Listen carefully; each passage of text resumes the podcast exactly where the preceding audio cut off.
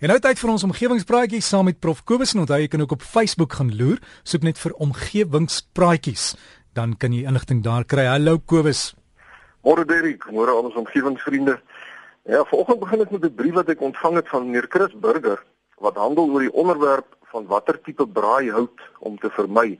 Ek het so 2-3 weke gelede vertel dat mens nie tambotiehout moet gebruik om vleis mee te braai nie omdat dit jou lekker siek kan maak.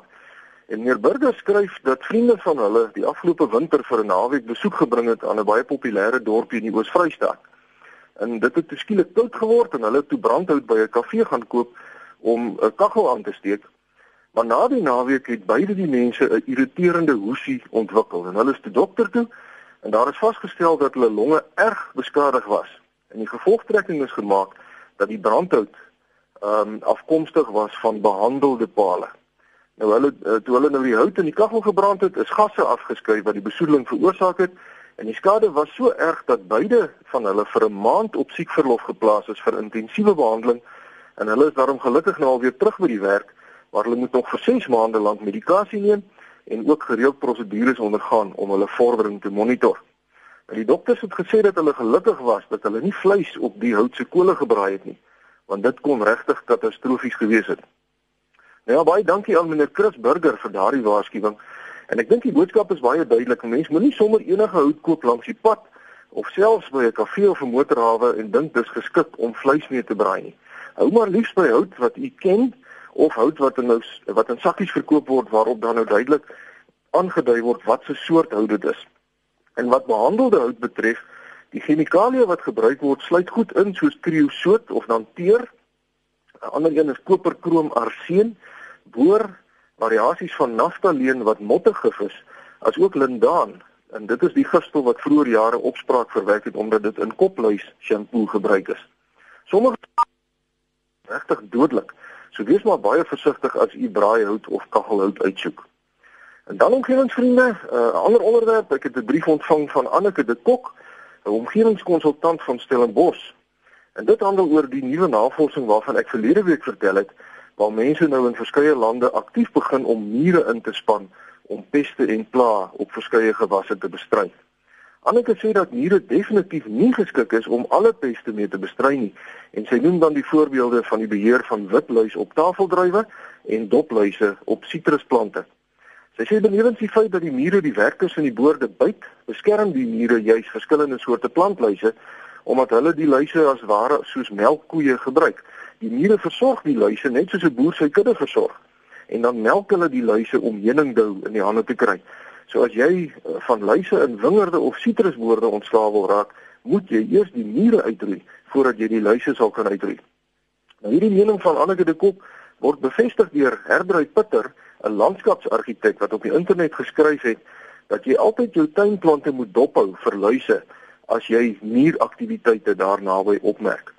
Hy noem dan 'n paar organiese metodes om mure mee af te skrik wat as plaasvervanger vir gif gebruik kan word as jy nou nie die mure wil doodmaak nie. Hy sê eerstens kan 'n mens 'n 5 cm breë strook vaseline reg rondom die plant se stam smeer of 'n dik lyn met bordkruit rondom die stam trek. 'n Mens kan ook babapoeier strooi waar die mure loop want dit kleef van hulle pote en hulle hou nou lyk my nie daarvan nie. Om om die babapoeier uh, beter beter resultate te kry kan mens fyn naaltjies ook daarin meng of mens kan die mure se reuksintuig teiken deur russiepoeier, rooi peper of kaneel om hulle gate te strooi. Peperment hou mure glo ook op 'n afstand. So plant pepermentplantjies oral in jou tuin en laat dit rank. En nog geraad is om 20 druppels gekonsentreerde mentolie op 'n liter water te meng en dit dan rondom die muurneste te spuit. Skoon appel of druivasyn werk glo ook goed, maar gebruik dit liefs op die oppervlakke waar mure loop en nou nie te veel op die plante self nie. Edward sê dat mense egter baie ver kan kom met die beheer van mure as jy eers die plantluise wat die mure aanlok kan opslaan. Dan sal die mure ook sommer baie minder wees. Baie dankie aan Anneke de Kok vir jou um interessante bydrae. En dan omgewingsvriende sluit ek af met 'n brief wat ook met die beheer van plaae verband hou, maar hierdie keer gaan dit oor muise en rotte. Katarina en Chris Botha van Centurion vra 'n baie interessante ding. Hulle vra waarom kaas oor al die jare in muisvalletjies geplaas word om muise mee te vang as kaas nie 'n voedsel is wat in die natuurlike habitat van muise voorkom nie. is kaas dan nou 'n lekkerny vir muise? Nou baie dankie vir daai vraag. En ek moes regtig 'n bietjie gaan soek om die antwoord daarvan te kry. En ek het dit wel agtergekom dat alhoewel kaas goed werk in 'n slaghuister, dit nie die heel beste lokkaas is nie. Al die inligting wat ek daaroor kon bymekaar maak, stem saam dat grondboontjie botter die heel beste lokkaas is om in 'n slaghuister te sit. Kaas werk ook goed omdat 'n muis of 'n rot enige voedsel sal eet. Maar grondboontjie botter het die voordeel dat die reuk daarvan oor groter afstande as kaas deur die muise of rotte waargeneem kan word.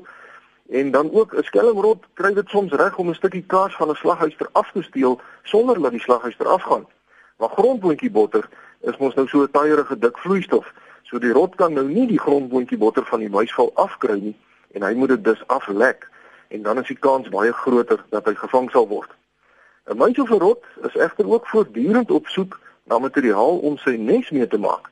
So selfs 'n bolletjie wol of 'n pluisie watte in 'n slaghuister sal 'n goeie lokkaas wees. Maar die beste lokkaas bly ehm um, grondboontjie botter. Nou is die vraag dan natuurlik, waar kom die gebruik van kaas as lokkaas dan vandaan? Die interessante is dat muise nie eers regtig van kaas hou nie.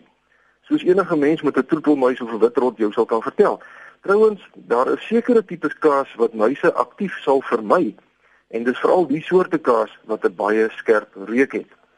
Dr David Holmes van die Manchester Metropolitaanse Universiteit het 'n aantal jare gelede 'n studie gedoen oor wat muise nou eintlik wil eet. En sy bevinding was dat muise enige iets sal eet as hulle honger is, selfs papier, plastiek of karton.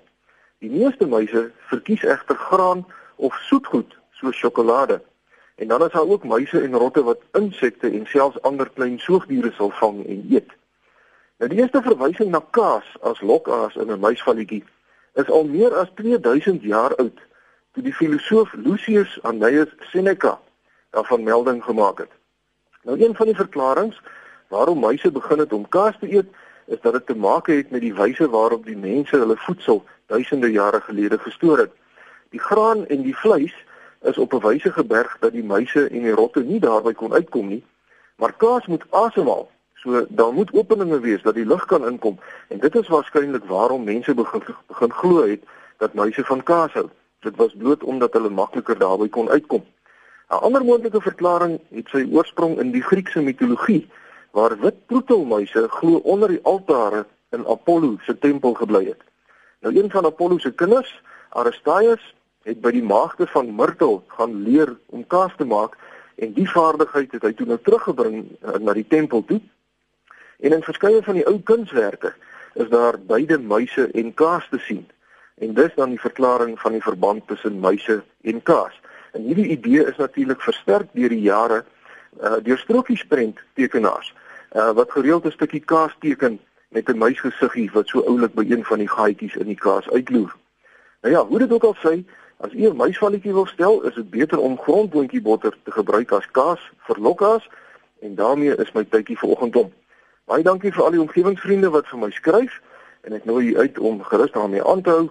My rekenaaradres is kobus.vanderwalt@nwu.ac.za of u kan vir my 'n gewone brief skryf uh, na die fakulteit Natuurwetenskappe, Noordwes Universiteit, Potchefstroom 2520.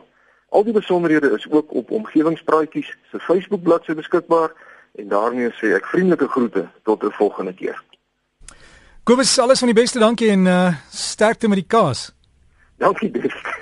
en sê maar die grondboontjie botter moet ons eenvat sonder sout of met sout? Nee, dit sal ek nou nie weet nie, Dirk. Ek het nou nog nie vir die meisie gevra watter een hulle verkies nie. Ek, ek trek maar net jou been, Kobus, alles van die beste.